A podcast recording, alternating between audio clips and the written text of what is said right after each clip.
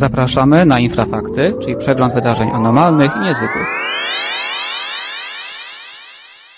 Witam w przeglądzie wydarzeń anormalnych i niezwykłych. Infrafakty mówi Michał Kuśnierz, razem ze mną jest Piotr Cielebiaś. Witaj Piotrze. Witam. No nie tak dawno, bo tydzień temu mówiliśmy o pewnej spirali, która okazała się na kanadyjskim niebie, a tymczasem już mamy kolejne zgłoszenie, tym razem z Australii, gdzie również pojawiło się podobne zjawisko. Tamto kanadyjskie zostało dosyć szybko mm, wyjaśnione jako mm, swego rodzaju takie mm, internetowe oszustwo. Po prostu ktoś sobie wrzucił e, filmik z grafiką przedstawiającą e, właśnie swego rodzaju taką spiralę podobną do tej norweskiej, z którą mieliśmy do czynienia w grudniu 2009 roku. Tym razem mamy Australię i znowu pojawiają się wątpliwości. No tak, w tamtym tygodniu mówiliśmy też o mm, e, przypadku Australii, gdzie miał miejsce, miała miejsce rzekomna fala obserwacji UFO, która wywołała mm, duży oddźwięk, prawda? Ludzie reagowali na to jak na inwazję kosmitów. Właściwie te fale australijskie UFO to, to zupełnie inna historia. Natomiast tutaj mamy rzeczywiście e, kolejny element tej najnowszej fali w postaci tej, tej spirali, o której mówisz. Twierdzi się, że była to, tak jak w innych przypadkach, czyli tym słynnym przypadku z Norwegii, dość pamiętnym, że była to jakaś rakieta lub pocisk, który po prostu w atmosferze nam e, dał taki efekt. Natomiast jak zwykle pojawiły się głosy, że mm, to jakieś tam UFO, że to jakaś droga do innego wszechświata, tudzież dziura robacza, tudzież portal, prawda, jakiś. No rzeczywiście, wrażenie było dla obserwatorów może rzeczywiście duże, natomiast co nale należy podkreślić, te spirale nam się stały ostatnio bardzo częste, prawda? No właśnie, bo to tak jak wspomnieliśmy wcześniej, no, znaczy o ile ta norweska to rzeczywiście później była wyjaśniona jako start rosyjskiej rakiety buława, o tyle ta kanadyjska. Tam w ogóle y, to, to był o tyle ciekawy przypadek, że y, faktycznie coś tam obserwowano na niebie i ten filmik y, z tą rzekomą spiralą jakby był dorobiony jakby do całej tej historii, bo tam faktycznie obserwowano pewne zjawiska świetne. No nie wiem jak jest w przypadku Australii, bo to chyba musimy jeszcze poczekać na jakieś dalsze wyjaśnienia. No ale z tego co widziałem, to też się mówi o swego rodzaju mistyfikacji. No być może, zobaczymy jeszcze co, mm, co się stanie, natomiast ten tydzień przyniósł nam inne, dość ciekawe e, relacje o UFO, w tym filmy, bardzo kontrowersyjne. Może poróżmy ich temat, bo jeden z nich, właściwie wykonany w Turcji, mhm. przypomina nam nieco coś z naszego tutaj rodzimego Poletka, czyli e, słynno, słynny przypadek ze Zdanów, chociaż może rzeczywiście jest trochę mniej spektakularny. Tak, znaczy tutaj mamy jakby mniej e, informacji, mamy w zasadzie tylko e, zdjęcia, które rzeczywiście no, bardzo przypominają przypadek e, ze Zdanów i tutaj też się pojawiają od razu głosy o tym, że e, mamy kolejne, jak to się mówi, yy, latające miski. Ale o wiarygodności tego zdjęcia w zasadzie niewiele możemy powiedzieć, dlatego że pojawiło się to na stronie, która nie uchodzi za wiarygodne źródło informacji. Yy, to jest strona pana Mike'a Coena i też niewiele jakby bliższych e, informacji towarzyszy temu, tym e, fotografiom.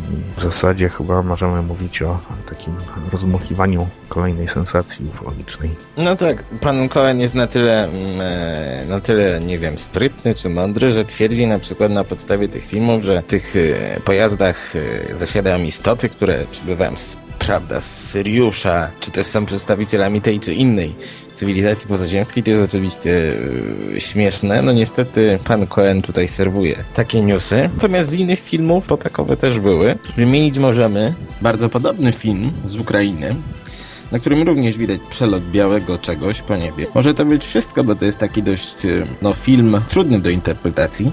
Mhm. Natomiast w przypadku innych obserwacji tygodnia Pojawiły się także doniesienia z, mm, z Sydney, gdzie również miano zaobserwować, prawda, niezwykły obiekt. Ale przejdźmy może do mm, innej tematyki niż ufologiczna, bo jak można zauważyć, co mm, tydzień właściwie zasypywani jesteśmy nowymi informacjami, nowymi przypadkami.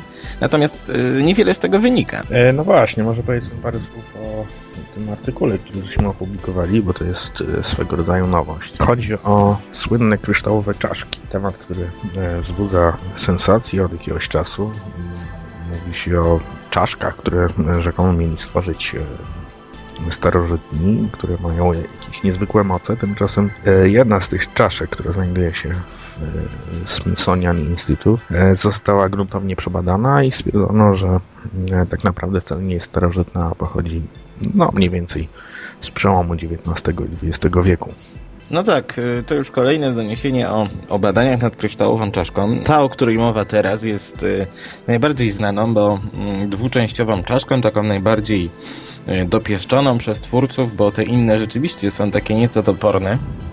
Kiedy im się przyglądamy, rzeczywiście widzimy, że różnice między tą czaszką e, przeznaczenia, bo tak się ją nazywa, a tymi czaszkami wcześniejszymi rzeczywiście są duże. E, ta oprócz tego, że jest doskonale odwzorowana anatomicznie, jest również e, mm, dwuczęściowa, to znaczy posiada ruchomą żuchwę. Ale co się okazuje? Cała legenda o kryształowych czaszkach narodziła się właściwie w, w XX wieku, kiedy to angielski, brytyjski pisarz Mitchell Hedges wraz ze swoją córką właściwie stworzył legendę, która w dzisiejszych czasach przebrała, przebrała taką strasznie rozmuchaną formę, między innymi dzięki filmom.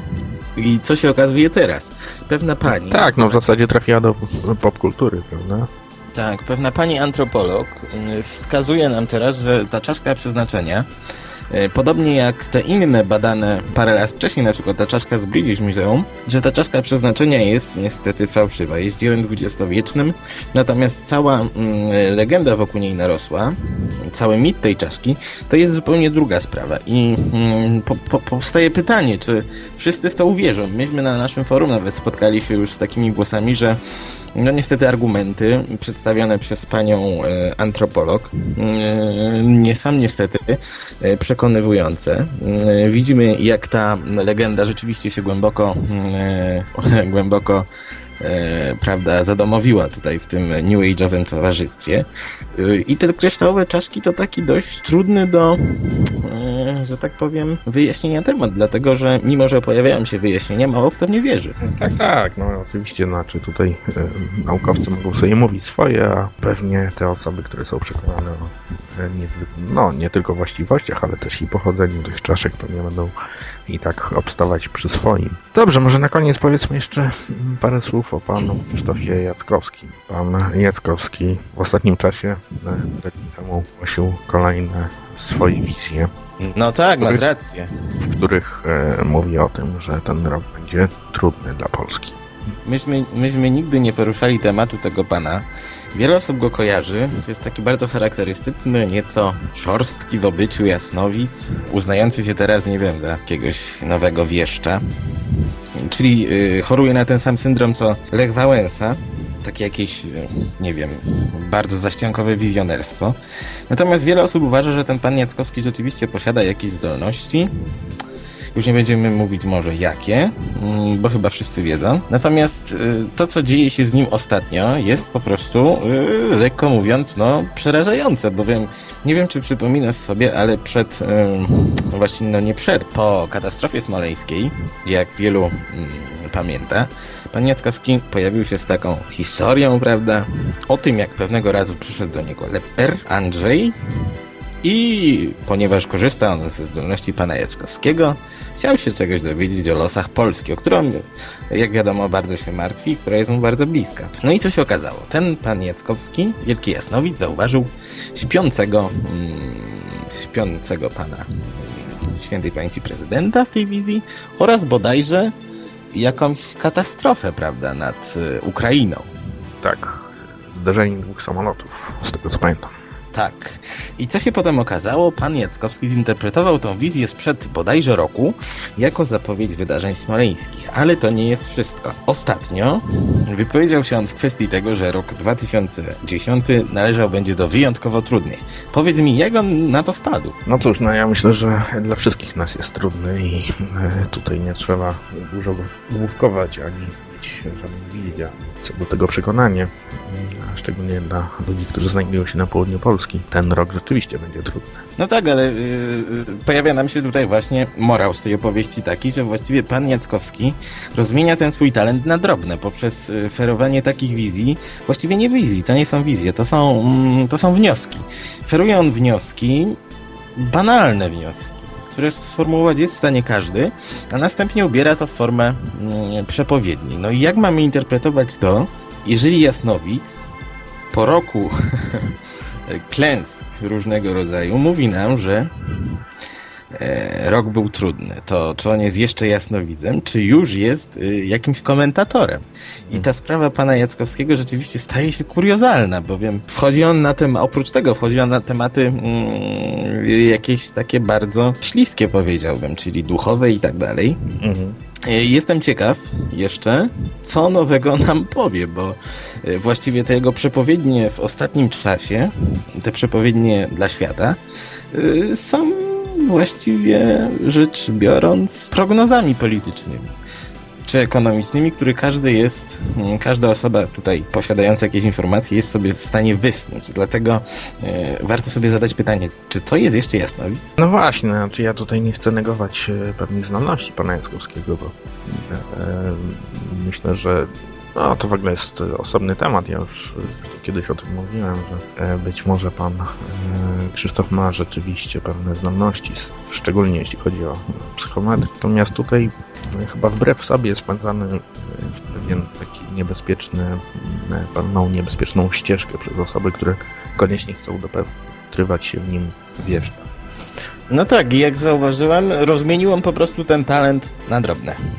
Tak, dokładnie. A właśnie jeszcze a propos wszelkich e, wizji, to może powiedzmy parę słów o właśnie o wspomnianej e, tragedii w Smoleńsku, dlatego że przecież e, no, internet aż huczy od wszelkiego rodzaju teorii spiskowych. A tutaj cię, tutaj cię jeszcze zaskoczę. Nie wiem, czy wiesz, ale z źródłem teorii spiskowych stała się ostatnio, uwaga, Jasna Góra.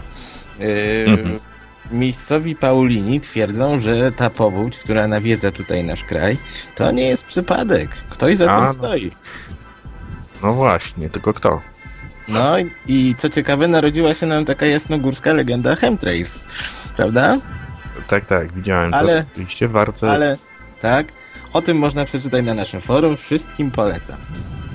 Tak, no w ogóle o tych wszystkich tematach, które żeśmy dzisiaj poruszyli, można przeczytać na forum e, i też e, to, o czym zacząłem mówić, e, ale to już odnoszę Państwa do właśnie naszego forum, gdzie temat katastrofy w Smoleńsku jest bardzo, bardzo popularny i wiele osób tam stara się wypowiadać i, e, i staramy się tam właśnie poruszać wszelkie kwestie związane z pojawiającymi się takimi czy innymi teoriami dotyczącymi tej tragedii. Zobaczymy, co nam przyszły tydzień przyniesie.